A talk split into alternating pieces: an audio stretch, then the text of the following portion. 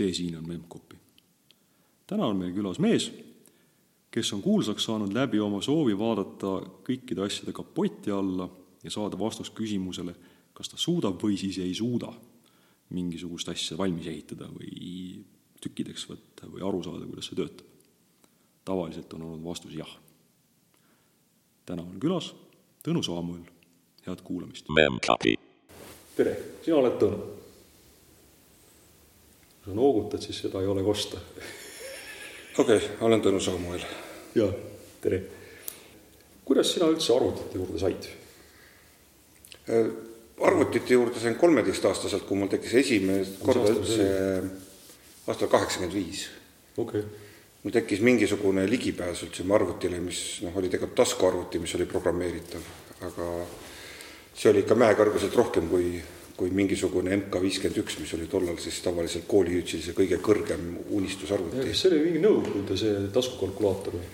noh, MK viiskümmend üks oli jah, see nõukogude, mis oskas juba trigonomeetriat, aga mina sain ligi välismaa Casio BB sajale. see on ju klassika või? nojah, ta mingis mõttes on, et ta, ta on taskuarvuti, tal on pool kilobatti mälu, mis tänapäeval tundub ulmeliselt vähe, oskab ainult basic ut, aga noh, tollal mul võttis silme eest kirjuks, sellepärast et klaviatuuril olid tähed, terve tähestik oli peal ja see võttis silme eest kirjuks. see tundus ikka noh, et see on täielik kosmos. no kust niisugune asi nagu õndsasse Nõukogude Vabariiki saada sattus? kõige esimene ligipääs oli lihtsalt selline, et ma nägin kuskil komisjoni poes sellist asja ja noh, kuna sellel kalkulaatoril olid tähed, siis, siis see jättis minusse nii sügava mulje, et ma käisin, rääkisin sellest igale sõbrale. Ja siis äh, paar päeva hiljem tuli üks tuttav nagu sõber, kes juhuslikult oli suht rahakas perest, eks ju, ta tuli sellesama asjaga mulle nina alla liputama, et mäletad, sa rääkisid mulle uh. -huh. vot, ja siis ma sain seda natukene veel näppida. aga noh, see on minu oma, ma ei saanud seal suurt midagi teha. ja siis läks mingisugune, ma ei tea, nädal, kuu või mingi X aeg mööda ja juhtus selline ime, mis juhtub ainult nagu filmides, noh, NSV Liidu ajal oli see täpselt niisugune, et tuli info, et mul on välismaal rikas tädi. noh, see rikas ma mõtlesin ise välja vist sinna juurde, tollal tundus iga asi rikas, mis oli välismaal. aga selles mõttes, mul on vanatädi Šveitsis. ja, ja täitsa juhuslikult see vanatädi saatis veel meile kirja ka, ütles, et aga äkki tahate midagi siit. ja mina teadsin täpselt, ma tahan täpselt samasugust asja saada ma kirjutasin kohe ära talle, et ma tahan täpselt sellist asja saada et ma olin kolmteist ja, ja noh, ma ei tea, ma tagantjärgi just vaatangi, et tollal ma tundsin ennast väga täiskasvanuna, aga ma praegu vaatan kolmeteist aasta, siis, siis ma saan aru küll, miks ma niisuguse kirja kirjutasin. väga lakooniliselt, et davai, mutt, et kirjutame, noh, ma päris nii ei öelnud, aga aga see oli mõte, et kui sa juba küsisid, siis siis nii on. üks arvuti oleks mulle just, just nagu noh, vaja. ja tuligi saatiski postiga. ja tuligi, see tuli küll pool aastat hiljem, tollal käis niimoodi, et kiri käis siit Šveitsi kaks kuud. Siis tuli kaks kuud hiljem tuli vastus, et ma unustasin tüübi kirjutada kusjuures noh, nii nagu oli paberkandja peal, ega ma ka ei teadnud, kas ma kirjutasin või ei kirjutanud, igatahes ta kirjutab mulle tagasi see tuleb noh, pool aastat hiljem tuleb kiri, et vabanda, aga tüüpi ei ole, ma oleks sulle hea meelega saatnud, sest ma olin nii solvunud. siis ma kirjutasin jälle, siis ma ootasin veel pool aastat, siis ühel hetkel tuli tollist kiri, et andke, saatke viiskümmend rubla, tähendab, et noh, viiskümmend rubla on tollimaks ja see oli tollal nii kosmiliselt suur raha, et ma kuskilt laenasin selle. Tollimaks tollal, no jaa, loogiline jaa, et noh, impordid mingit asja ja küllap siis sellele mingi maks rakendub. no jaa, ja siis ma hiljem sain nagu, kui ma lõpuks nägin seda tolli hinnakirja, noh, mina olin tegelikult väga vaesest peret, viiskümmend rubla oli minu jaoks ulmeliselt suur raha. siis tuli välja, et välismaine kalkulaator on viiskümmend rubla. aga sellel asjal oli kirjutatud lausa karbi peale personal computer ja selle, selle puhul oleks olnud vist kolmsada või, või kolm tuhat või igatahes mingi niisugune number, mida ma enam kohe kindlasti ei oleks suutnud kuskilt leida. Vot, aga sealt kuskilt hakkas asi minema ja siis, kui ma olin viisteist, siis mul õnnestus esimest korda kuhugi Normasse tööle saada. ja, ja kui ma olin kuusteist, siis ma olin selleks ajaks täiesti veendunud, et ma tahan arvutitega tööd teha, noh, haridust mul ei olnud, ma teadsin, et keegi mind tööle ei võta aga oli selline unistus, et ma lähen koristajaks kuhugi, et ma teadsin tollal, et on olemas arvutuskeskused. Need olid niisugused kohad, kus oli tohutu suur arvuti, oli terve maja oli seda täis. Ja ma lootsin, et arvutuskeskuses äkki keegi võtab mind koristajaks, mul oli peas.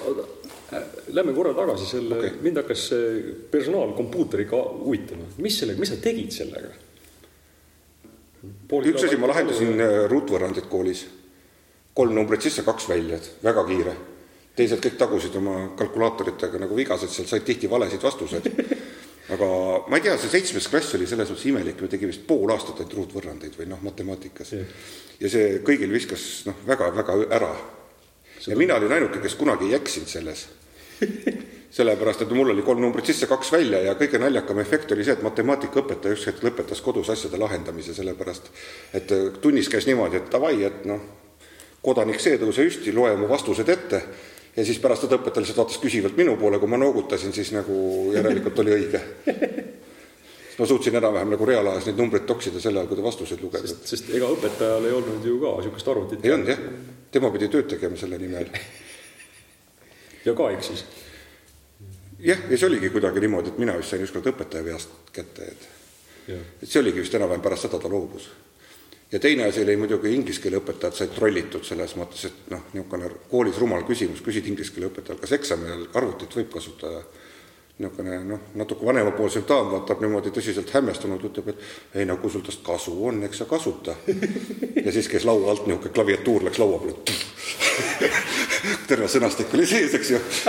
ja, ja noh, tal oli nagu väga piinlik siis nagu öelda, et ikkagi et no, ei enam ei tohi jah, et aga, aga noh, nad õppisid üsna ruttu muidugi. aga mis sind selle arvuti juures nagu niimoodi paelus, lihtsalt see, et oli klaviatuur või see, et seda sai programmeerida või? midagi oli jah, ma ei, tagantjärgi oska seletada, aga ma olen lapsest saati olnud selline laps, kes absoluutselt kõik asjad ära lahub Mm -hmm. näiteks kodus oli raadio ja vot minul ei mahtunud pähe, kuidas saab olla inimene selle kasti sees, eks ju, noh, selge see, et inimest seal ei ole aga sa ju kuuled, et ta on ja vot see konflikt tekitas mul selle, et ma lammutasin kõlari ära ja ma sain sellest vist peaaegu peksa kodus. aga noh, no tollal oli suur lampraadio oli selline, kast oli seal ja siis mina uuristasin ennast sellest, seal eel, ees olevast võrgust läbi selleks, et teada Oho. saada. aga raadio oli tollal ju, see osteti üks kord elus, eks ju, et noh, kui sa selle ära lõhud, siis siis rohkem enam ei saa. jah, pahandust oli palju ja noh, kõik äratuskellad, mis noh, lahti oskad ikka võtta, kokku enam ei oska. jäävad tükid üle. jah, ega ma selle taskuarvuti ka lõpuks lõhkusin ära. ma üritasin lahti võtta, aga see oli kõik kleepsuga kokku pandud ja siis ma niimoodi venitasin teda lahti ja siis see kleeps venis ja venis ja ma kasutasin käär, et teda nagu natukene niimoodi kaasa aidata, aga seal oli üks lintkaabel sees, mida ma ei märganud, et ma suutsin selle ka läbi hammustada. niimoodi, et noh, aga see on meeletu huvi, kuidas asjad töötavad, et mul, kuigi mul on üks väga oluline mentor ka elus olnud, et naabrimees oli see, kes viitsis mulle seletada. Okay.. et äh, lapsest saati olen igasugu asju pidanud ehitama, et me ehitasime mingeid väikseid raadiosaatjaid ja niisuguseid vidinaid ma ei tea, see naabrimees oli, närvid olid talt ühelt poolt läbi, aga teiselt poolt aeg-ajalt ta viitsis. aga kas sa, sa olid Tallinna poiss? jah, ma olen Tallinnas kogu aeg olnud.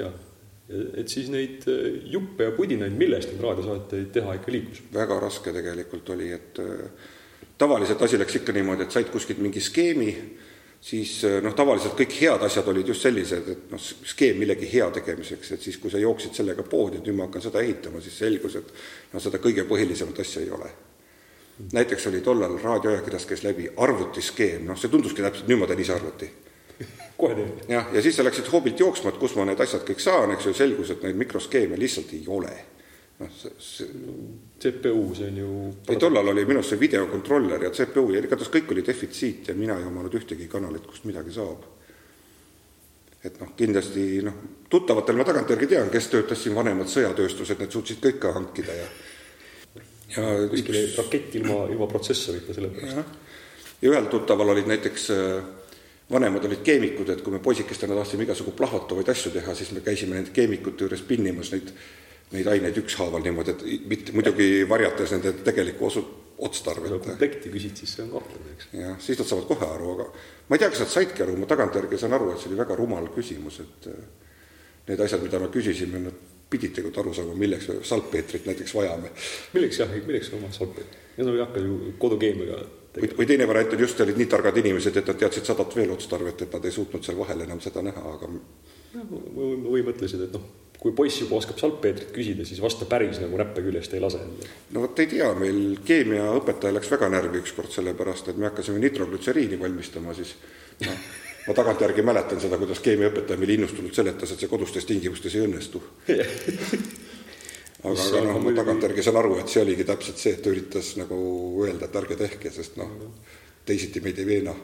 ja noh, aga teistpidi, et tänapäeval ju, kui läheb keegi eetrisse ja ütleb, et meie, meie süsteemid on turvalised ja neid ei saa häkkida, siis on maailmas kümned tuhanded inimesed, kes ütlevad, et päriselt. tavaliselt, noh, niisugust asja öelda, aga tavaliselt ta käib just sellise ülbuse noodiga juures, et noh, meie oleme nüüd paremad kui nemad ja noh, kui ükskõik kellestki väidad nad parem olevat, siis tavaliselt see keegi solvub. et noh, kui see nüüd, igatahes tavaliselt on mingi motivaator, miks selline väide toob jah, sellise aga kust sul see arvutuskeskuse mõte siis tuli, et miks just arvutuskeskus? Ma ei mäleta, kust ma selle info sain, et niisugune üldse olemas on. aa, meil vist äh, üks tuttav oli kuskil arvutuskeskuses, käis mingi onu juures mm.. et õnnestus korra ennast sinna kaasa nihverdada ja see tundus nii põnev, et tuba oli arvuteid täis, ma arvan, et see juhtus siis ennem juba. igatahes mina teadsin, et ma tahan arvutuskeskusesse. ja kuna ma midagi ei osanud, siis ma jah, käisin mööda neid uksetaguseid, noh, tagantjärgi saan aru, et ääretult naiivne mõte, et ma lähen sinna tööle. käia viieteistaastaselt ilma igasuguse hariduseta uksi kulutamas, aga võeti tööle. jah tegema mida? ei, kuusteist olin, jah. arvutioperaator. keskkool jäi sul tegemata siis? mul ei ole jah, üheksat ka hmm.. et mul jäi üheksa ka pooleli või noh, tollal kaheksa. ei, kaheksa ma tegin ära lõpuks jah, tagantjärgi. sealt edasi ei ole midagi teinud. okei okay. ja siis sa läksid äh, arvutioperaatoriks, mis, mis see töö sisaldas? oi, see oli väga ülbe töö selles mõttes, et ma, ma, mul oli lubatud isiklikult arvuti käima panna ja klahve vajutada noh, selles mõttes see oli noh, ületas minu ootusi nii tugevalt, et see noh, ma olin tõsiselt iseendaga rahul sel hetkel. mitte midagi ma sellest ei teadnud, aga, aga jah, ja algne ülesanne oli lihtsalt mingeid tekste sisse panna, et vene keelt ma oskasin hästi, siis tavaliselt tuli arvutuskeskuses üks osa tööst oli see, et tuli tarkvara teha mingitele Venemaa asutustele sohvi ise niimoodi. jah, ja meil olid asutuse, asutuse täis oli niisuguseid tädisid, noh, tollal mul oli tunne, et hästi surmalähedased vanamammid, niisugune neljakümnesed. noh, see kuueteistaastase poisi pilk on selline, eks, et praegu ise samas vanuses. aga nemad siis programmeerisid seal midagi, millest meie aru nagu väga ei saanud, seal oli paar poissi veel lõpuks. aga kui nemad kirjutasid kasutajajuhendi, nad kirjutasid selle käsitsi paberi peale, siis me pidime selle sisse sisestama ja välja printima, aga see paratamatult tõi juba õiguse printerit näppida ja mis süsteemide arvutuskeskus siis kuulus või? ma olin sideministeeriumi. ja see oli hästi edev selles mõttes, et meil oli, asutuse nimi oli Sideministeeriumi info- ja arvutuskeskus, aga see oli äravahetamiseni sarnane Siseministeeriumiga. ja sinna anti punased kaaned kaasa, need punased kaaned tegid nii mõnegi koos sellise vajaliku töö ära, kui oli vaja midagi nagu kuskilt läbi suruda, et lõid oma kaaned lauale ja et see nägi välja nagu Siseministeeriumist, eks ju, töötaksid ja ja tõsised punased kaaned olid, ma ei mäleta, kas Lenin ka peal oli, aga noh, midagi no, küllap ta oli, kus ta pääses ligi. jah, et noh. ja siis sa sisestasid neid, neid tekste siin arvutisse, aga mida need programmid tegid, kas sul sellest ka aimu oli? jaa, ma lõpupoole pidin neid ise tegema, et oli palgaarvestus, mingisugune põhivaraarvestus mul oli tollal poisikesena väga raske aru saada, et mis asi on põhivara, mis asi on väikevara, siis noh, üks mammi seletas, et vaat sina istud nagu väikevara peal, mina istun põhivara peal, eks ju. sest viiskümmend rubla oli see piir tollal kuskilt, see jooksis, eks ju, temal oli seal viiekümne, viiekümne viie rublane tool. jah, ja mäletan seda, mina kirjutasin mingi programmi, milleks oli posti toodangu arvestus, siis seal löödi sisse, et näiteks kirja kohale tassimine kellegi koju on null koma null üks kopikat ja noh, post, postkontor siis arvutas oma toodangu mahtu niimoodi. ühesõnaga, põhimõtteliselt oli, jooksis seal arvutuskeskuses kellegi ERP ja,? jah, jah, jah. põhimõtteliselt ja. ja sina programmeerisid ERP-i? No midagi niisugust jah, kuigi tollal ma räägin, et kõik need sõnad olid nagu võõrad. aga tõenäoliselt siis sai post kokku loetud? jah, ja see oli muidugi mingis mõttes väga nõme, noh, mis tollal sai tehtud, aga tänapäeva mõistes väga lihtsad asjad kas, see, niisugune, see on üsna nüri töö mingisugust venekeelset teksti sisse toksida, kas see nagu huvi ära ei võtnud või sa said kuidagi öösiti seal oma asju ajada või?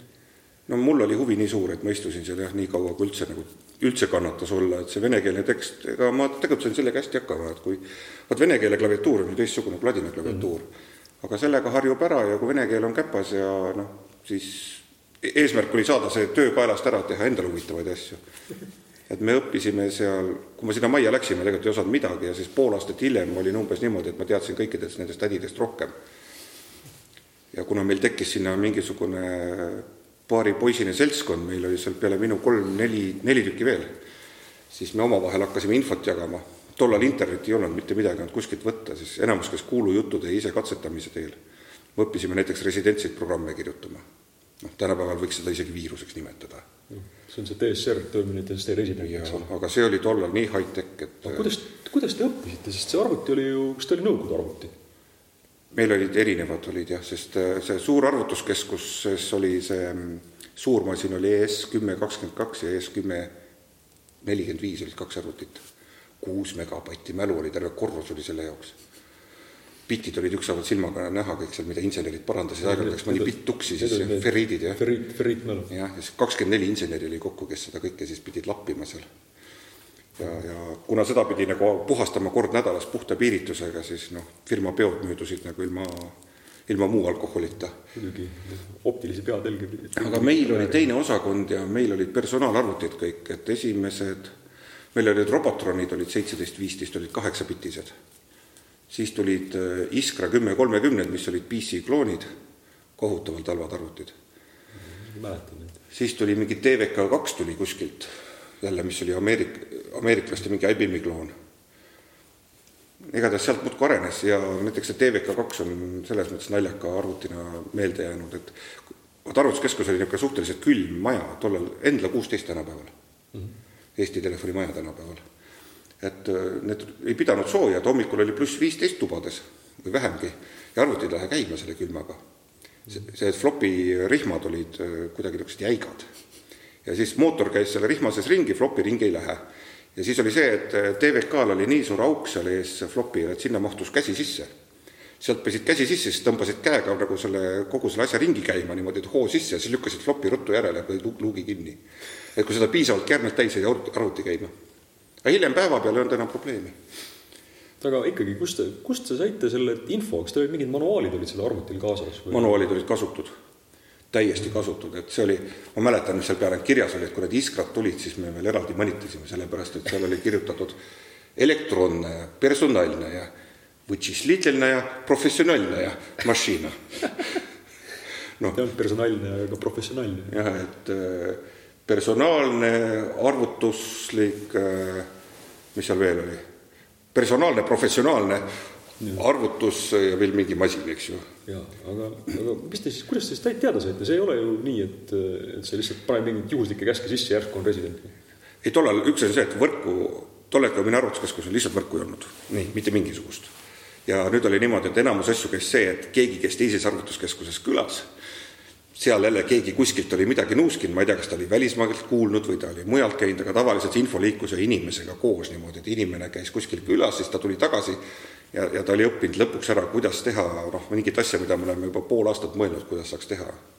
kusjuures see probleem oli tavaliselt väike, et meil oli näiteks printeril oli äh,, ei olnud täpitähti mm. -hmm. ja siis keegi tuli väga-väga kavala asjaga, kuidas mäppida siis klaviatuuril need äh, kandilised sulud täpitähtedeks. ja tuli selle infoga kuskilt näiteks Tervishoiuministeeriumi sellest arvutuskeskusest, sest keegi seal oli jälle mingi häkiga hakkama saanud. või teine häda oli see, et äh, oli äh, klaviatuurid olid aeglased, vot see, hoiad mingit tähte all, meil oli tihti vaja ju mingit jooni teha niimoodi, et tuli hästi palju miinuseid panna, et siis see miinus, no sa hoiad seal nagu ma ei tea, ta ei jookse, siis keegi õppis ära seda kiirendama. selleks tuli kuhugi porti kirjutada mingi number. jah, aga lihtsalt, et noh, selline info liikus ainult suust. Just, just, aga lõpuks sa said teada, et noh, assemblerit ja niisuguseid asju me juba oskasime kõik ise teha, niisugused, noh, see oli kõik ikka müstika, et mingid pordid, mis, mis sinna kirjutad, see oli dokumenteerimata et kuskilt tuli see info, et kui sa sinna porti kirjutad, läheb see klaviatuurile ja klavier on kiirem. aga kas te seda folkloori kuidagi üles ka kirjutasite või see lihtsalt inimeste pähe? ei, täiesti. no seda ei olnud nii palju, tollal see tundus kõik niisugune, ei tulnud pähe nagu üles kirjutada, teine asi on see, et see oli kõik selline info, et äh, mida sa niisama ära ei andnud. sellepärast see tõstis sind teistest kõrgemale, näiteks see, et me oskasime residentseid programme kirjutada, ega ma seda nendele tädidele rääkinud, kuidas see käib. üks asi see, et me pidasime neid madalamaks klassiks, kes nagunii sellest aru ei saaks teine asi on see, et see andis meile nagu võimaluse teha mida iganes seal arvutis, ilma et nad aru said. oleks tollal tahtnud mingit, äh, ma ei tea, kräkki jooksutada, me oleks seda jooksutanud background'is. aga nende teiste arvutuskeskuse tüüpidega te oleks jaganud seda informatsiooni, eks? tavaliselt see käis jah, mingisugune vorst vorsti vastu või mingisugune, noh, sul pidi mingi mõju inimese üle olema, et noh, et äh, noh, tavaliselt professionaalid hindavad üksteist ja jagavad sellist infot, aga kui tuleb mingi jopu küsima, ega sa ei ütle talle sest sa tahad, et sina oled palju vaeva näinud, et see asi ära lahendada, et, et ringi jooksnud ja küsinud ja mõelnud ja no sa ei anna seda infot niisama alati ära. noh, vahest antakse, aga lihtsalt ütlen, et see oli osa sellest käitumismustrist okay.. ja siis hakkas need esimesed arvutivõrgud, mida mina kuulsin jah, et see Fidonet tõenäoliselt oli üks esimesi, mis kuskilt, ma nägin teda kuskil. kellegi juures? jah, ja praegu ma arvan, et see võis Tarmo Mammers olla, aga ma ei ole kindel. Igatahes ta hakkas niisuguseks asjaks muutuma, et ma hakkasin töö juures nagu rääkima, et ma tahan modemit saada. ma tahaks nagu võrku. ja meie arvutuskeskus ei pidanud seda kuidagi vajalikuks ja ma ei osanud seda kuhugi õigesse kohta ka vajutada sest mulle korra vist mingisugused insenerid kuskilt tagatoast pakkusid mingit modemit, mis oli niisugune kingakarbi suurune kast ja mis on nagu see modem, mida sa saad telefoniliini otsa panna, et see oli mingisugune Liisetlaini modem või -hmm. ta ei osanud helistada näiteks. Aga oh, jah. noh, igatahes, et minu jaoks oli see täiesti tarbatu, et mul oli vaja seda modemit, mis käib telefoniliini külge. ja telefoniliin oli ka tollal väga suur ressurss, sest meil oli asutuse peale, ma ei mäleta, mingi piiratud arv telefone, kusjuures me olime sideministeeriumi arvutuskeskus aga see ei tähendanud, telefoni, telefoni keskjaam oli ikkagi nagu piiratud. jaam oli meie enda majas, aga meie osakonnas oli kakskümmend inimest ja kaks numbrit. kuule, aga küsin nende inseneride kohta veel korra, et kui ma mõtlen selle peale, et kas lasta noor inimene nagu tarkvara või riistvara kallale, siis ma pigem julgeks teda las-, lasta nagu riistvara kallale enne kui tarkvara kallale. aga miks sind hästi keerutab nagu tarkvara juurde? aga riistvara tollal meil nagu, me ei mäletagi, et midagi erilist seal oleks, et ei noh, selles mõttes mingisuguse piiritusega ferriitrõngaid nühkima, noh, kas või niisugust tööd tegema. vot, tegelikult miks ma sinna tööle sain, minul on see tagantjärgi nagu vastus tulnud, tollal ma uskusin, et ma noh, jätsin nii tõsise mulje, et ma olin oma taskuarvutiga mingeid programme teinud. Tagantjärgi ma saan aru, et ma, et, et sellel ei olnud mingit asja, et tegelikult oli probleem, tollal ei olnud IT-eriala üldse populaarne. Tollal äh, keegi ei tahtnud seal töötada, palgad vist olid madalad, vot äh, tõsine mees vist tegi haltuurat kuskil, näiteks kui sa töötasid kuskil viinapoes, sa said seal müüa midagi või teha. arvutuskeskus oli koht, kus sa said oma ametliku palga ja midagi varastada ei saanud. Tundus, või midagi, mingi, mingi reputatsiooni häda oli, et sinna läksid kõik sellised matemaatikaharidusega naisterahvad, kõik sellised niisugused äh, teravamad trüügid, need läksid kuhugi traktoristiks, seal sai kütust varastada või noh, igatahes seal oli mingi häda, miks sinna ei mindud tööle okay aga siis tuli üks, kes tahtis. ja, ja mul on mulje, et vaat osakonnas oli kakskümmend naist ja osakonna juhataja oli mees. ja tagantjärgi ma olen enda jaoks selle dekodeerinud niimoodi, et ta oli andnud kaadriosakonna käsu, et ükskõik mis meesterahvas tuleb, see lihtsalt kinni võtta ja temale anda. Sest äh, nende paari aasta jooksul, mis ma seal olin, ma nägin, millised kismad seal käisid, sellepärast et naised ikka kraapisid üksteise silmad verele, eks ju nii otseses kui kaudses tähenduses ilmselt. ei, ta oli jah, selles mõttes, et noh, mingeid füüsilisi ei olnud, aga selles mõttes niisugust ussitamist oli korralikult. ja, ja mul jäi nagu mulje, et mida ma olen hiljem näinud, et noh, kollektiivis peavad mehed-naised mingis tasakaalus olema, vastasel juhul noh, mõlemas suunas tekib jama. nagu ühiskonnas ikka. jah, ja mul on tunne, et mina olin esimene meesterahvas, kes talle ukse taha tuli, teda ei huvitanud ükski muu asi peale selle, et ma olen mees kas need PBS-id sattusid sinna arvutuskeskuse tagumisse otsa juba, eks ole, sa rääkisid, et ja, ja. sa juba hakkasid arvutuskeskusesse modelit tahtma. hakkasin tahtma, aga ma ei saanudki, ei saanud jah, ja ma suutsin ta endale, vot tollal hakkasid ka kuskil kooperatiivid niimoodi, kaheksakümmend üheksa või niimoodi mm, -hmm. täpsemalt ei mäletagi, aga lihtsalt kooperatiivindused ja, ja nendel tüüpidel oli raha paksult käes, et kui sa nagu midagi väga tahtsid, siis nad sulle ostsid. ja mul õnnestus kuskil jah, modemi ligi niimoodi saada, et see oli ainult minu kasutada see arvuti ja see modem ja ma suutsin ennast sinna Fidonetti ajada. ja vot Fidonet oli, no see oli kullaauk, see oli täpselt nii, nagu tänapäeval internet, kus seal info jooksis, et kui keegi midagi oli, siis sellest räägiti ja ja see seltskond tundus nii kohutavalt suur, et võrreldes selle paari arvutuskeskuse inimesega, kellega ma tavaliselt läbisin ja keda ma nagu väärit-, vääristasin endaga võrdseks, siis nüüd oli seal kümnete viisi inimesi. Tänapäeva internetis ei kujuta ette, et kuidas on kümnete Küm, viisi. kümnete viisi, lausa kümneid ja aga Fidonet ise oli, ma ei tea, Eestis mingi viiskümmend aktiivset inimest või kuni sada, mitte rohkem, viiskümmend võis seal maksimaalselt olla. ja need inimesed olid targad, niimoodi, et sa jooksid hommikul arvuti juurde, et panna arvuti käima, tõmmata kõik viimased kirjad ära, vaadata, mida nad räägivad. sest seal oli terve hulk selliseid legendaarseid mehi, kelle noh, iga kiri oli kulda täis, sa ainult lugesid seda, mida nad Näitus. räägivad. no mulle kuidagi ma ei tea, kas ma olen ise endale juurde mõelnud, Sulo Kallas oli niisugune inimene, kes jättis mulle mulje, et tollal, kui CD-plaat oli asi, mida me teadsime vist, et selline asi on olemas, aga oma silmaga ei olnud näinud. sest seda reklaamiti kuskil, midagi oli, et noh, see on nüüd lõpuks ometi on puhas heli. siis Sulo Kallas oli mingi audiofriik, kes äh, sai endale Sony CD-mängija sel ajal, kui teised igatsesid endale Vene oma üldse ja siis ta tunnistas selle kvaliteedi ebakõlblikuks, pildus selle kasti kõik sisust tühjaks, tegi uue elektroonika sinna selline härra. jah, et noh, see minule jättis see kustumatu mulje, et ma mäletan seda mitukümmend aastat hiljem ja nüüd, kus ma olen selle härraga nagu ise koostööd teinud ja ma endiselt austan teda samamoodi, et äh, kui sa alguses olid äh, klient, eks ole, Fidole, siis ühel hetkel sa hakkasid oma nõudi ka pidama. millal see tuli? üsna ruttu, ma enam ei mäleta, et ma olin kellegi, kellegi point alguses, aga ma olin jah, eraldi nõud numbriga kakskümmend viis mingil hetkel mm. -hmm. ja minu jaoks nagu Tarmo Mammers on olnud alati see vaimne isa seal, kelle käest ma olen väga palju vastuseid saanud, väga palju abi ja, ja tõenäoliselt ma sõimbasin tema juurest kogu oma meiliga alguses mm. -hmm. hiljem ma muutusin ise nii suureks, et äh, näiteks ma vahendasin kogu Venemaa meili Eesti vahel ja tegin igasugu noh, asju. Venemaal oli, Venemaal see PB esindus oli või see fidondus või mõlemad olid kuidagi vähem levinud või? Millegipärast jah, ja ma ei teagi, miks, sest see oli kuidagi niimoodi, et Eesti päris algusaegadel, mina olen sellest otsast ilma jäänud, käis, kõik käis nagu Soome küljes.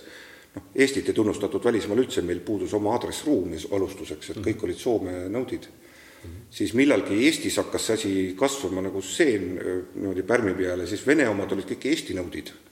okei okay. vot, ja siis, siis hakkas, Venemaa võrk oli minu meelest umbes sama suur kui Eesti võrk sest ma olen kuulnud legende sellest, kuidas kuskilt äh, kaugelt Venemaa avarustest käidi lennukiga Eestisse äh, Fidosse. tuli kohver flopisid kaasas ja muudkui kopeeriti öö läbi. aga tollal oli see vist jah, isegi kiirem, sest üle telefoni läksid asjad nii aeglaselt, et oli odavam kohale lennata, sest lendamine oli odav. minu meelest see Moskva lend maksis kas üksteist rubla või mingi nihukene, mis oli üsna väike raha. aga, aga kuidas see Eesti selle oma tsooni saamine käis, sest oli Nõukogude Liit veel juba, veel või ei olnud enam? Vot ei oska öelda jah, sest mina jäin sellest otsast ilma, et äkki Sulo Kallas oskab sellest rääkida või keegi niisugune, kes seal okei okay, nagu, no eks küsime Sulo käest. kes seal juurkuru on nagu vanematest aegadest. ja siis panid PBS-i või selle Fido, Fido nõudi panid püsti, kas sul PBS ka oli? ei ole kunagi olnud PBS otseselt. no kindlasti ma olen midagi mänginud ja ma olen paar tükki siin äriinimestele püsti pannud nende kommertsasjade jaoks neid tegelikult impressis kohutavalt see, et mingid tüübid olid nendelt äh, paar aastat raha küsinud, et midagi programmeerida ja noh, nad ei ole kunagi näinud, mis sellest programmeerimisest tulu sai ja siis tuli Tõnu, küsis neilt mingisuguse mõttetu raha ja, ja kaks tundi hiljem asi töötas mm. -hmm. et ma mäletan, et tollal see jättis nagu kustumatu mulje, et noh, lõpuks ometi keegi, kes aitas. aga ma sealt edasi ei ole midagi teinud see tähendas, et kuskil olid mingid inimesed, kellel oli kommertspõhjus PBS endale püsti panna. no tollal oli see lootus, et äkki nüüd hakkab äri minema, sest tulid inimesed, kes ütlesid, nüüd jääb kõik internetti, kogu äri, kõik, eks ju. ja samal ajal ma toon jälle võrdluseks sellise pisiasja, et tollal kõige populaarsem tarkvara Maximus, mida kõik PBS-id kasutasid, sellel oli probleem äh, see, et user'i ID oli ühepaidine ma tahan öelda, tänapäeval sa ei kujuta ette, et sa teeks mingi tarkvara, aga keegi hoidis ruumi kokku ja ta tegi user ID ühe paidise ja enamuse BBS-e ei kasutanud nii palju kasutajaid, et nad oleks sellest välja jooksnud. järelikult oli põhjus nagu õige otsus tehtud disainis. sest Eestis oli mingi üks või kaks BBS-i, kes, keda see tõsiselt häirima hakkas ühel hetkel, aga sa tahad öelda, et see asi ei olnud üldse nii suur. Ja mina tunnetan seda siiamaani kui väga elitaarset seltskonda, sellepärast et äh, tegelikult kõik, kes sinna suutsid tulla, olid targad inimesed. millest, millest ka kogu selle podcasti nagu mõte, eks ole. et see oligi eliit. ja Fidoneti näiteks saamine, tegelikult oli vaja kolm erinevat tarkvara selleks koostöös tööle panna, et sa suudaksid nagu üldse sinna ligi saada, et see ei ole üldse nii lihtne. see ei olnud lihtne, jah aga siis sul hakkas tekkima mingisugune seltskond, mingisuguseid tuttavaid ja kontakte, kellega juttu rääkida seal Fidos jah, ja huvitav on see, et need kestavad nagu üle mitmekümne aasta, näiteks kui ma rääkisin Venemaast mm, -hmm. näiteks Venemaale me hakkasime äri tegema, et needsamad fidonõudid, kes sealpool oli, hüperinflatsioon oli selline kummaline asi, et kuna Nõukogude Liit oli suur, siis ühes otsas käis nagu hinnad liikusid kiiremini kui teises. et äh, näiteks Eesti oli Moskvas ta sellest noh, kuni nädal aega hindadega maas. Ja siis sul oli info, infot ja siis sa said vahetada, mis hind. jah, meil, meil nagu, me suutsime sellist asja, sest noh, enamus inimesi ikkagi toimetas kuskil ajalehtede peal kuulutuste läbi või niimoodi, aga meie nagu vahendasime, et mina näiteks rääkisin tuttavaga Peterburis et või Moskvas, et kuule, et ma tahan printerit saada. ja tema ütleb, et hind on selline ja mina ostsin seesama õhtupileti, hommikuks olin juba seal, ladusin kõik asjad peale, üle järgmise öö ma tulin Eestisse ja müüsin nad kõik Kinexisse maha. ja Kinex oli nii õnnelik, kakskümmend printerit nad ostsid mult, eks ju, kõik korraga ära ja, ja, ja ma panin noh, ma ei tea, raha, raha oli päris palju nagu tollal, mis sealt nagu vahelt sai, siis selle rahaga panid jälle Venemaale, tõid järgmise kuhja. aga ja siis sa tulidki sealt arvutuskeskust ära, hakkasidki niisugust äri tegema või? no enam ei olnud mõtet, sest äh, ma mäletan, kuidas ma üldse eraärisse sattusin, et äh, no see on täitsa omaette lugu, ma ei tea, see vist ei lähe siia IT-raamidesse, aga aga arvutuskeskuses ma sain sada kümme rubla miinus maksud ja ma sain eraäris juba päris alguses kaheksasada rubla päevas.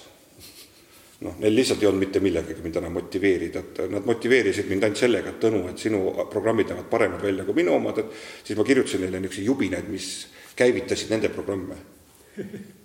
noh, et nad tegid oma moodulid igaüks eraldi binaarina ja siis noh, minul oli mingisugune akendega asi, akendel olid varjud taga, seda jälle igaüks teha ei osanud. aga see oli siis puhas mingisugune tekstipõhine värviline termin? puhas tekstivärk meie arvutuskeskus oli sellepärast muideks nagu teistest tavaliselt halvem, et kõigil teistel oli mingid graafilised asjad, meil oli neid kas vähe või ei olnud üldse. ma tundsin ennast härrasti maru halvasti, sest teised mängisid värvilisi mänge ja mina ei saanud. mängisid must, mis mänge sa mängisid? ei no see Tiger näiteks, mis tollal oli täisvärviline mm., siis meil olid jah, niisugused iskrad, mis olid rohelised ekraanid. ja nad olid kõik muideks veel noh, null ja üks, nad ei olnud pooltoonigi. ja siis me häkkisime seal jootekolviga, et saaks pooltoonid vähemalt kas sul ikkagi see inseneride ja see jootekolvi huvi oli juba tol ajal olemas, oskused ka?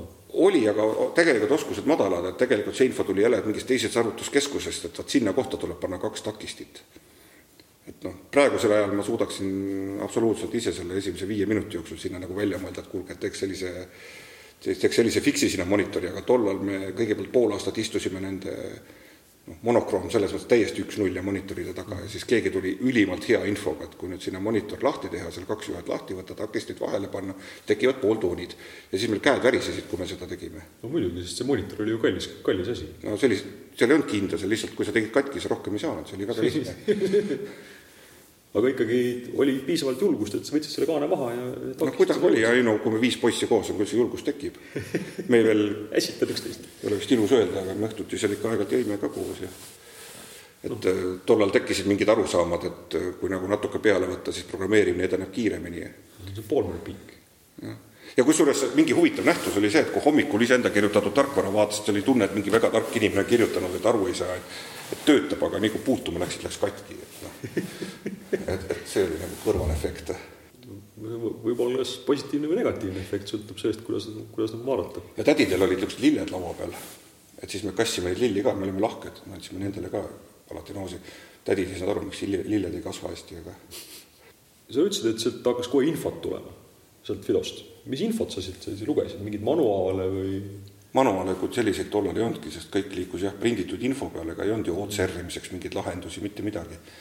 Aga peamiselt oli ikka see, et kui keegi midagi teada sai, siis ta seda levitas, see oli nagu üks osa. teine osa oli see, et igasugune ostan-müün, vahetan asju levis seal. vaat Nõukogude Liidus oli see, et kõigest oli puudu, et kui nüüd, see oli väga oluline info, et keegi müüb midagi. Mm keegi müüs seal oma vana tooli näiteks üks jalguli alt ära või mida iganes, aga see oli NSV Liidus väga väärt info, ma ostsin oma esimese auto näiteks Indrek Sauli käest. noh, kes oli tollal ka aktiivne fidokas, Indrek Saul ütles, et tema müüb oma Žiguli maha, tal on eksportvariant, eksportvariant oli tavaliselt tuhat viiesajase mootoriga, aga temal oli tuhande kuuesajasega. no, no enam, enam, enam nagu kõvemat autot ei andnud ette kujutada ja ma ostsin selle talt lihtsalt ära ja kuna, kuna ma olin seal võrgus, noh, ta reklaamis seda seal, kus ainult paarkümmend inimest nägid, siis oli mul eelis no,. sa olid info, sa olid infoligi.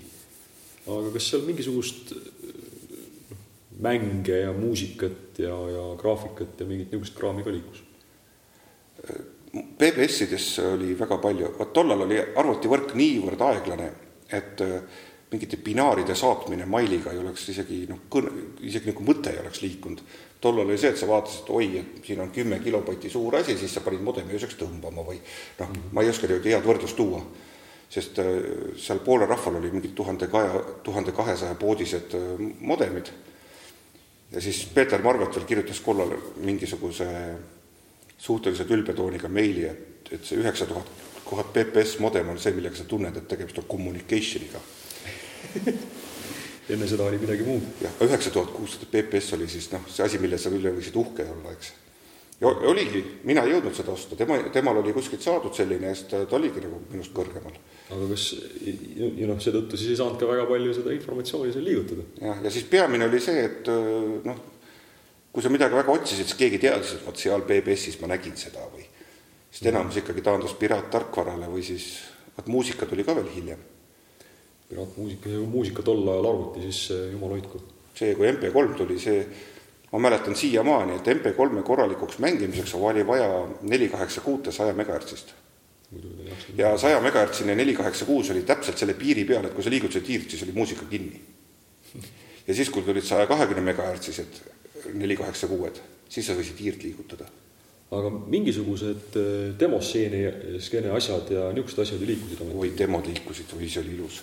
ja ma siiamaani igatsen, sellepärast et mingisugused vidinad, mis olid imeväikesed ja kui käima tõmbasid, siis oli jah, tuba oli muusikat täis ja ekraan oli mingit graafikat ja seal oli nagu kolmemõõtmelises mingisugused, no see tunne, tundus mulle tollal kõik kosmiliselt ilus ja see, see oligi kosmiliselt. ja see CGA graafika, mida noh, tänapäeval keegi ei vaata, mäletan, kui ma seda Tigerit esimest korda nägin, ma mäletan seda hetke.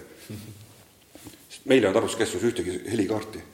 ja ma käisin Tervishoiuministeeriumi arvutuskeskuses, ma ei tea, kuskil niimoodi kellegi selja tagant korra mingeid asju ajamas ja keegi mängis Tigerit Oliveti arvuti peal.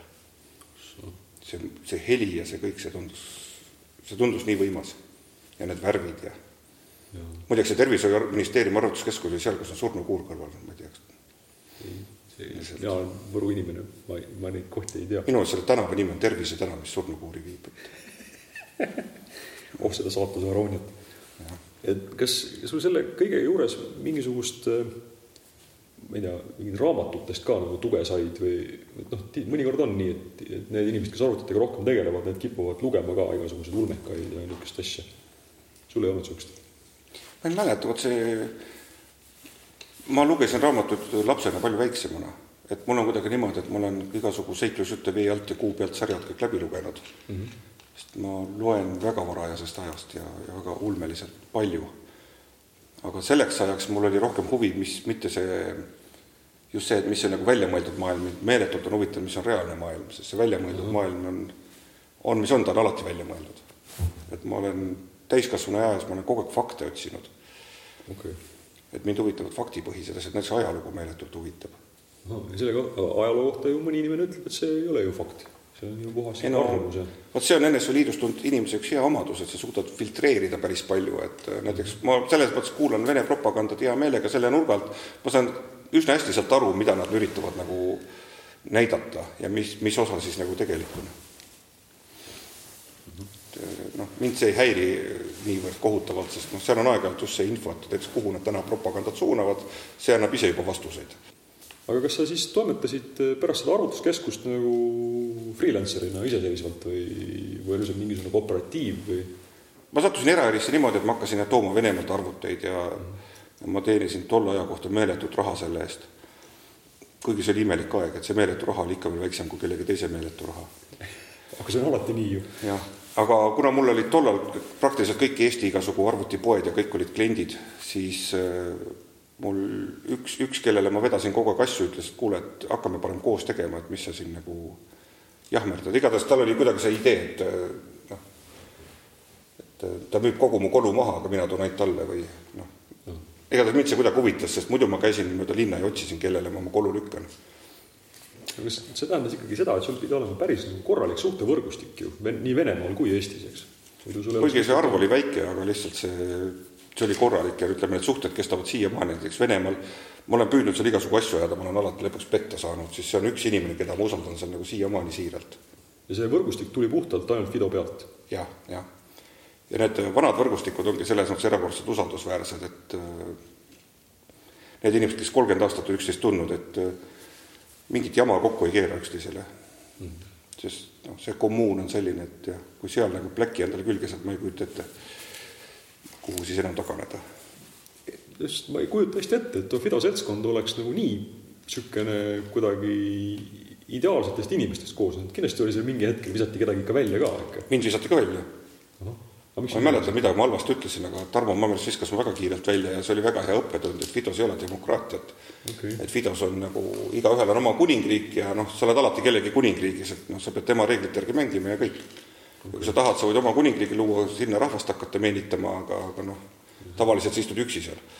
aga see paneb selle esimese nii-öelda süssadminnide saunaõhtu nagu hoopis teise valgusse ju ei, need inimesed on reaalne võim siin nagu lõigata ära informatsioonist ja see ei, ei olnud kuritarvitatud tegelikult.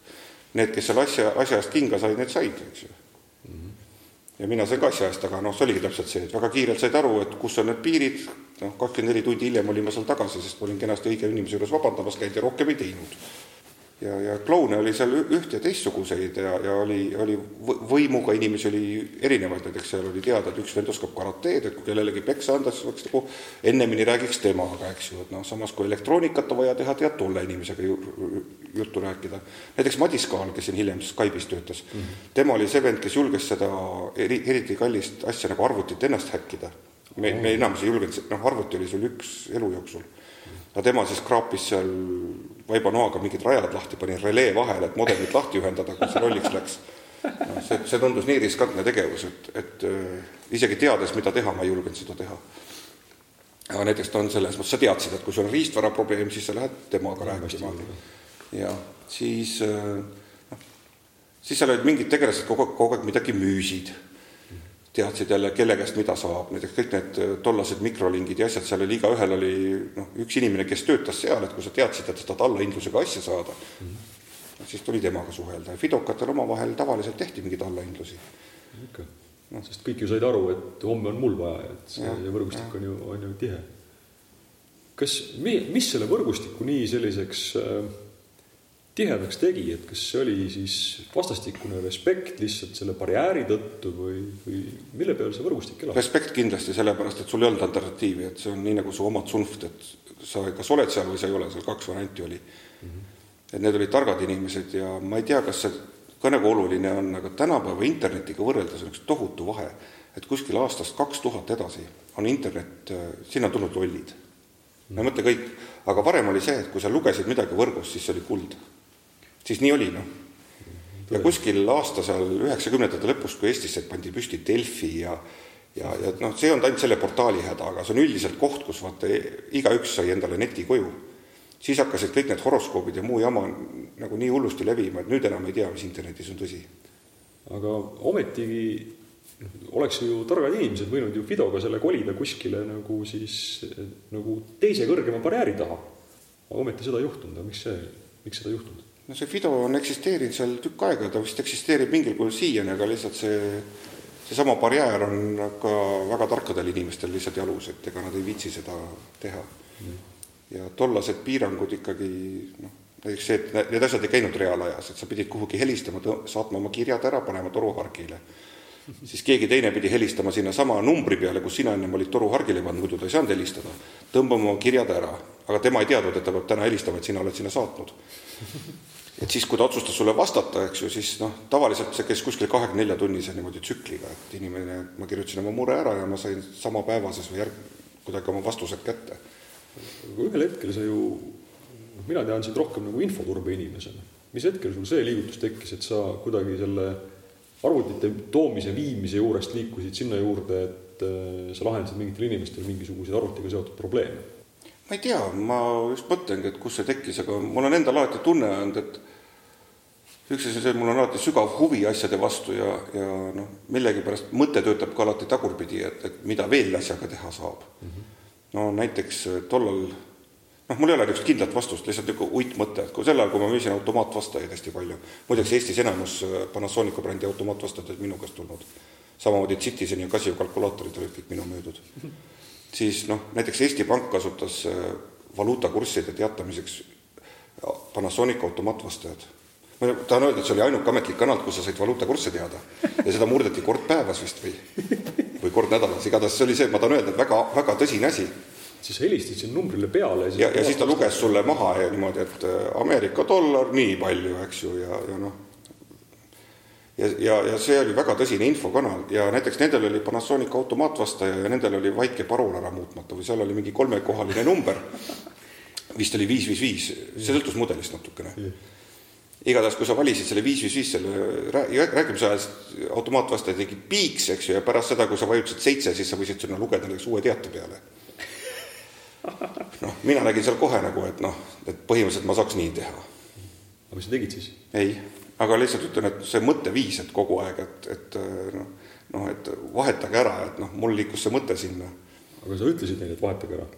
tollal ei olnud niisugust kanalit, eks, et sa ja noh, kellele ei, ma, ma arvan, et ma kindlasti ei öelnud seda just sellepärast, et tollal kuidagi maailm töötas teistmoodi, et selleks sa pidid, sul ei olnud isegi endal telefoni, sa pidid minema telefoniputkasse ja otsima raamatust ja ma ei tea, no kuidagi see jäi tegemata.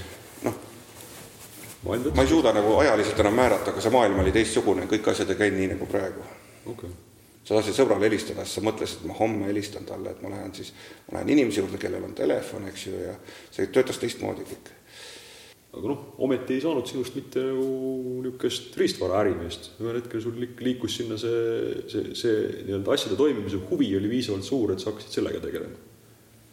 ma vist olen kogu aeg jooksnud mingi huvi ja raha kombinatsiooni järgi sest näiteks ma sattusin sealt äh, haltuura tegemisest ja spekuleerimisest näiteks Kinexi direktoriks, ta oli Eesti tuntum arvutifirma tollal ja küllaltki tõsiseltvõetav. noh, see tegeles kõigega ja see tarkvara osa oli seal päris oluline. kuule, aga sa pidid inimesi siis juhtima ju, jumal hoidku. jah, aga ma olin seda tegelikult kogu aeg teinud, sest näiteks meie enda erafirma, mida me siin hakkasime kahekesi, et noh, mu tuttav ütles, et kuule, et teeme koos, mis sa siin jooksed siis alguses me seisime kordamööda letis, et kui tema jooksis kauba järgi, seisin mina letis, eks ju, ja kui mina olin Venemaal, seisis tema letis. mingi hetk oli nagu raha nii palju, mõtlesime, et mida me siin seisame, et võtame kellegi tööle. võtsime kellegi tööle, siis me istusime kodus ja vaatasime, kuidas keegi müüb.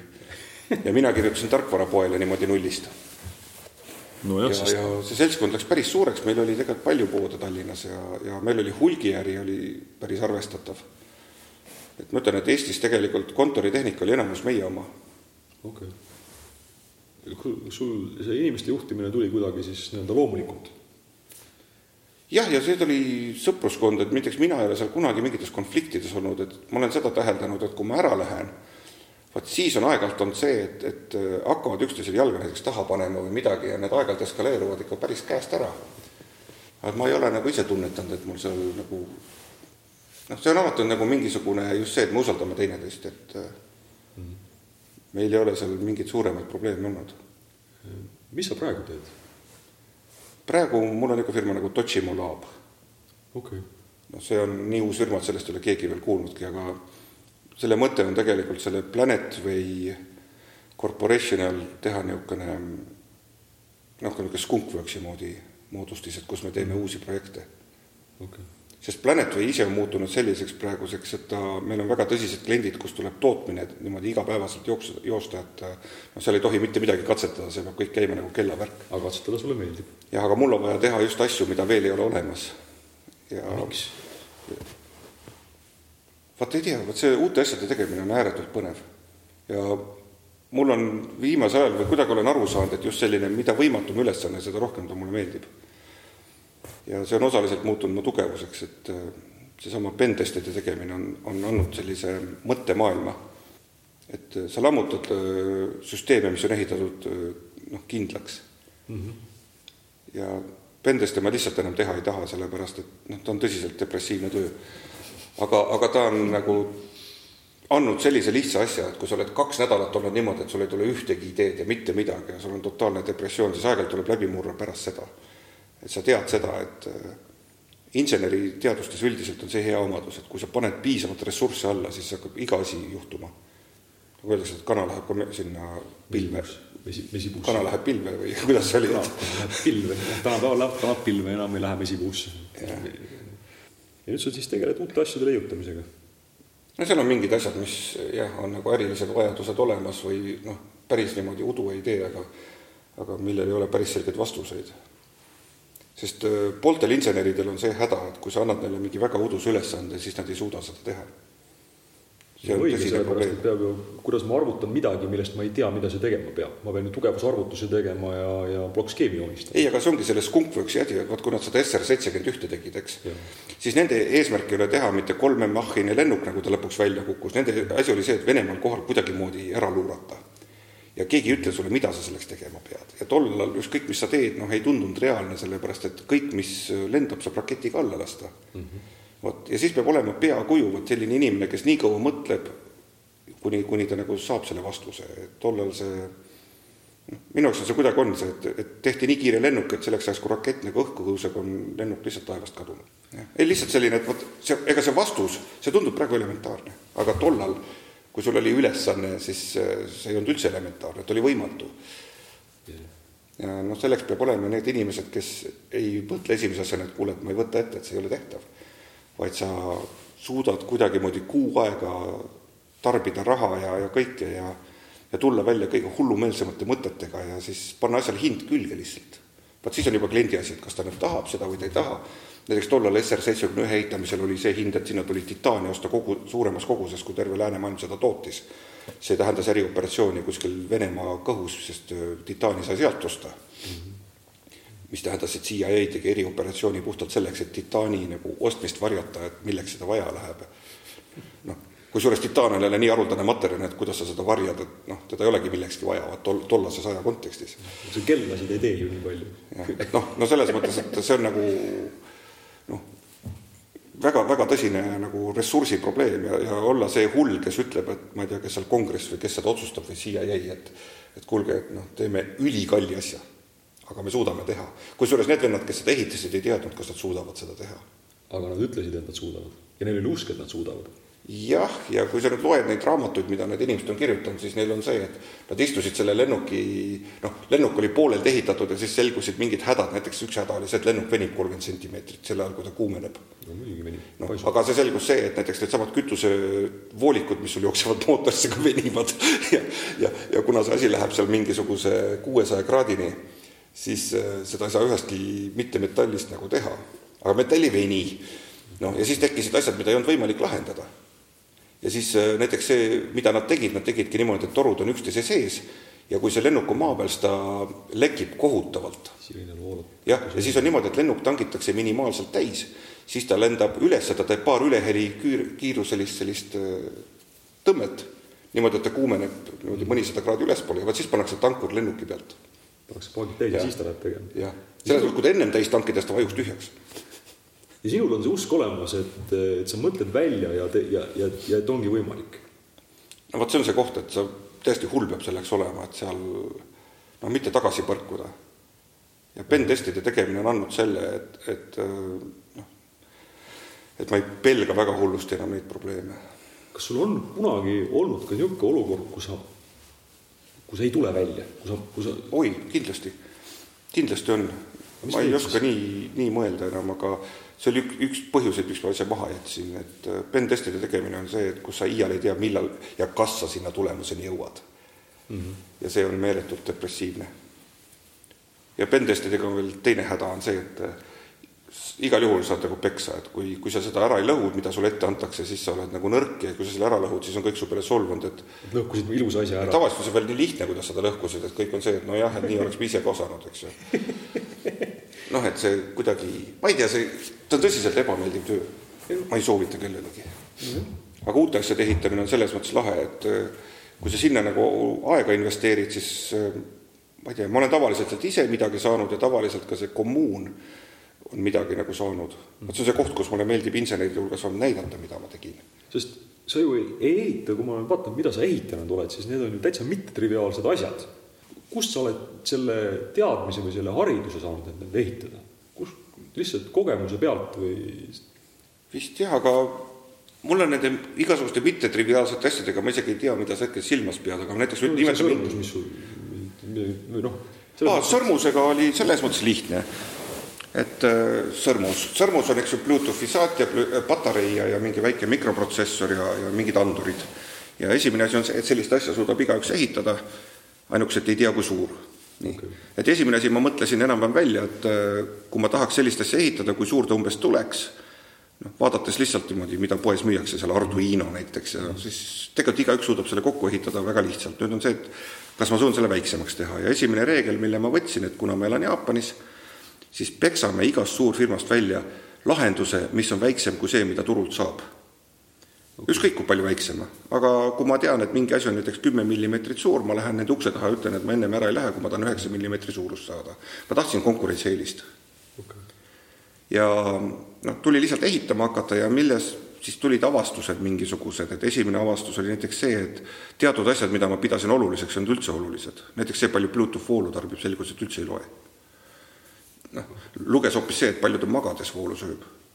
sest see Bluetoothi saatmise hetk on niivõrd lühike, et ta võib tarbida palju tahab, mind see ei sega. aga see, kui ta sul paari päevaga magades tühjaks jookseb, see mind häirib.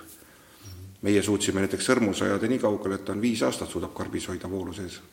et kui ta nüüd, klient saab karbi kätte, siis ta teeb lahti, et kui see on toodetud viimase viie aasta sees, siis sõrmus ärkab ellu.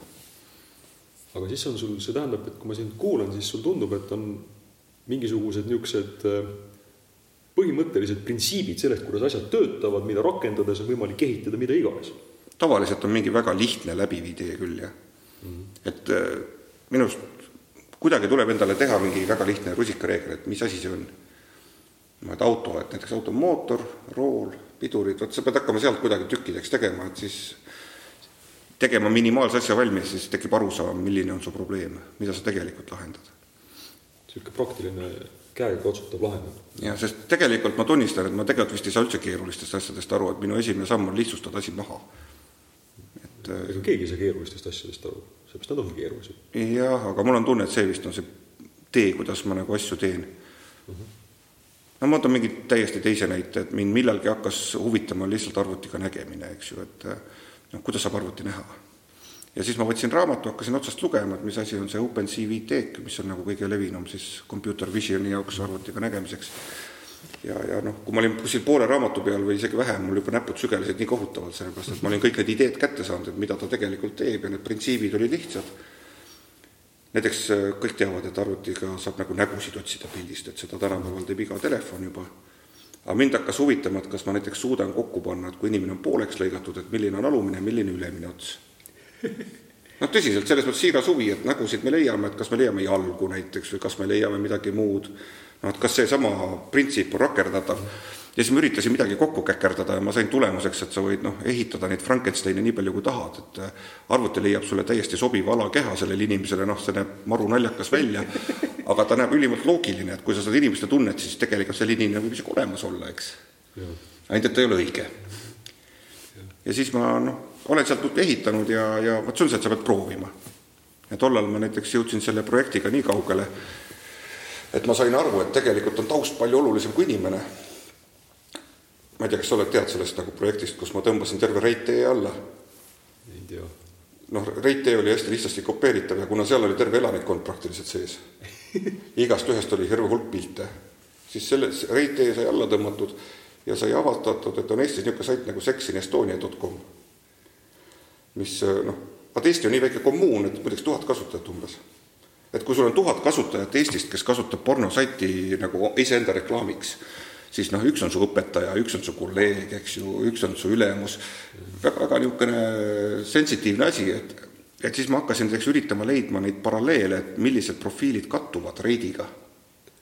aga see on ju ohtlik, see on ju selles mõttes ohtlik või ebameeldiv küsimus, mida küsida, kas sa jaa, mind huvitas tehniliselt, et kas ma olen võimeline neid kokku viima ja avastasin, et terve hulk inimesi, näiteks noh, neid ei ole väga palju, kes kasutab sama telefoninumbrit mõlemas.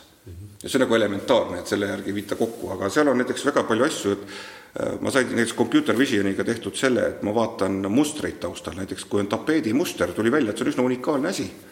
ja kui nüüd on seal pildis on kaks erinevat mustrit, näiteks seal on tapeedimuster, vaibamuster ja siis on mööblil muster, näiteks on kolmas muster, et kui nende kombinatsioon on unikaalne, siis see, see ongi unikaalne ruum ja kui sa juba ruumil samasuse leiad, siis tavaliselt oli profiil ka kohe nagu arusaadav, et sa saad täpselt aru, et see, kes nagu reidis, on nagu selline tore pere, eks ju, noh, väikeste lastega, siis see, kes on Sex in Estonia peal, eks ju, kõiki neid muid asju teeb, et see on sama. Neid ju küsimusi, need on ju küsimused, millele ei taha vastust nagu teada reeglina inimesed. miks sa tahad?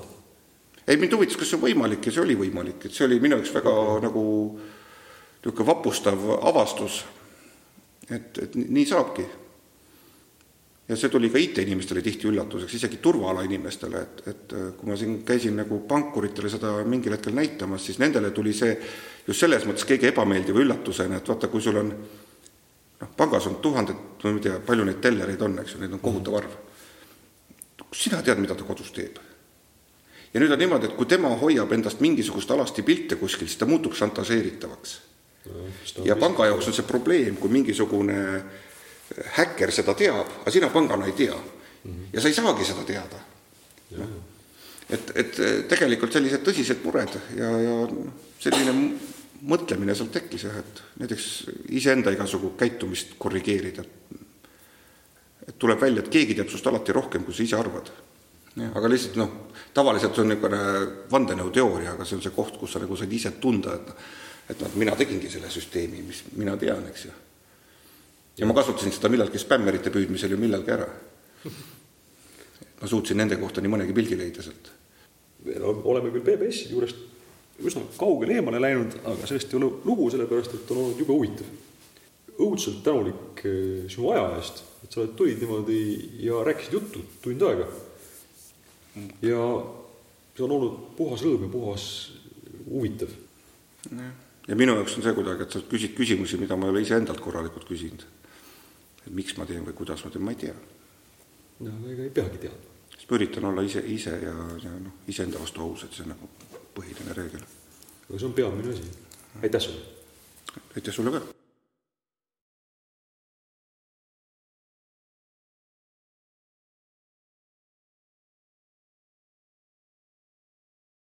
Memcopy.